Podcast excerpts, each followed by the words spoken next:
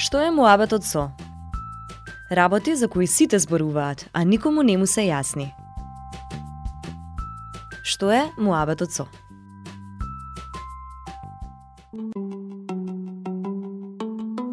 Под посебни услови и навики, светот живее повеќе од една година. Со одобрувањето и почетокот на вакцинацијата со првите вакцини против COVID-19 при крајот на минатата година, во светот се зголемија и надежите дека крајот на пандемијата и не е толку далече. И додека огромен број од државите на европскиот континент почнаа со процесот на вакцинација, Македонија се уште не може да се пофали со масовна имунизација на населението. Што е муабетот со вакцините? Како граѓаните да се убедат дека тие се безбедни и зошто се важни? На оваа тема зборуваме со докторот и микробиолог Никола Пановски. Па процесот на вакцинација, ние на студентите го викаме стручно, вештачки, активен имунитет. Активен бидејќи самиот наш организам создава антитела и те лимфоцити мемориски клетки.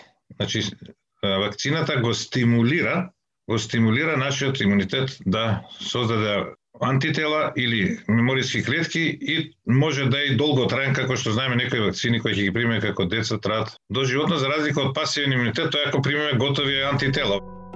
Како што објаснува Пановски, ширењето на британскиот сој на коронавирусот во време кога доцнат вакцините во земјава, сега го плаќаме со човечки животи. Токму во вакцините тој гледа излез од оваа состојба, но и спас за економијата. И тоа кога секе се пресмета, Значи, ако Македонија купила 2 милиона вакцини, ако се по 20 долара, тоа е 40-50 милиона. Меѓутоа, ако 2 милиона дневно губи заради кризава, значи 2 милиона, ние фактички за еден месец ќе потрошиме повеќе пари отколку за вакцини. А вакцините ќе ни донесат, кога ќе се отвориме, огромен профит, значи ќе носат по 60 милиона дневно, кога ќе се отвори економијата. Во земјава, први се вакцинираа здравствените работници со вакцината на Pfizer, добиена како донација од соседна Србија.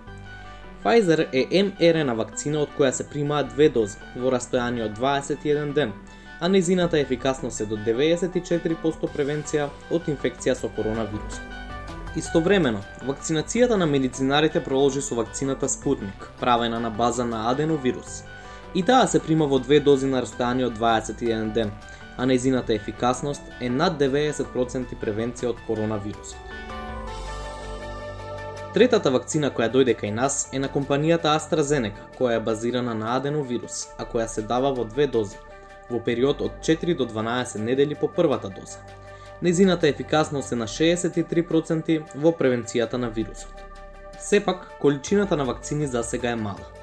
Па така, за колективен имунитет Ако не се обезбедат вакцини и нема рестриктивни мерки, Пановски смета дека во државава ќе може да се постигне до крајот на годината. Тоа би го платиле со најмалце уште едно 7000 жртви. Ете, тоа е тоа без вакцина. Значи, уште 6-7000 жртви, а економијата ќе животарија. Ако се направат рестриктивни мерки, а не се донесе пак вакцина, оваа агонија само ќе се продолжи. Така да, ако почнеме со вакцинација и вакцинираме бар 500.000 луѓе, неколку што се јавени, мислам дека тој период ќе го скратиме негде на септември месец, а младите да се овие под 18 години што нема да се вакцинат, природно да се вакцинат и по младите луѓе, да речеме, меѓу 20 и 40 години, иако и кај нив постои ризик, меѓутоа е многу многу помал. Така би обрзале работата и може би би ја завршиле пандемијата со 5-6 или помалце жртви, меѓутоа би се спасиле. Секој ден што немаме вакцина, ние имаме а сите овие денес, што ги кажа 20-30 умрени, би можеле да се спасат. За вакцинација до сега се пријавени над 115.000 граѓани на платформата на Министерството за здравство за искажување заинтересираност за вакцинација. Во меѓувреме, се почесто се шират теории на заговор и дезинформации во однос на вакцините – владата донесе одлука и за кампања за имунизација која не е започната. Затоа, го прашуваме Пановски, што е потребно за да се доближи процесот на вакцинација до граѓаните? Еве нека се прати сега Израел, па Велика Британија. Значи покрај секој дневното давање на умрени во светот и вако, нека почне да даваат резултати како е состојбата во земјите кај што има масовна вакцинација и без срам да споредат со Македонија. Значи, ако кажат дека во Израел умреле 5 души, Македонија 30, кога би се споредиле со бројот на жители, тоа би значило дека Македонија умрел еден, бидејќи Израел има најмалку 5 пати повеќе жители. Некои овие што се скептици ќе речат лажни се бројките, сите лажат. Цел свет се собрал и кинези, и американци, и руси, и сите се собраа се соединија да го лажат народот. Мислам како може некој тоа да верува дека дека се собрале да го лажат народот, држави што се караат 100 години наназад. Зошто би го направиле тоа? Со која цел? За да зеле пари од вакцини. Мислам, вакцините како пари се смешни во однос на тоа што економијата губи. По пристигнувањето на првите 24.000 вакцини на AstraZeneca, здравствените власти најавија дека се подготвуваат за масовна вакцинација на граѓаните. Таа ќе се организира во спортскиот центар Борис Трајковски во Скопје. Надлежните пак за април најавуваат дека ќе стигнат вакцини од повеќе места. Во меѓувреме, на сила остануваат мерките за носење маска, држење дистанца и ограничување на контактите.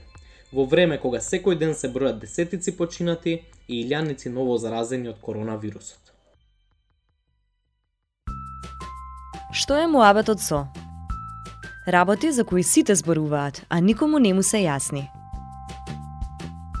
Што е муабетот со?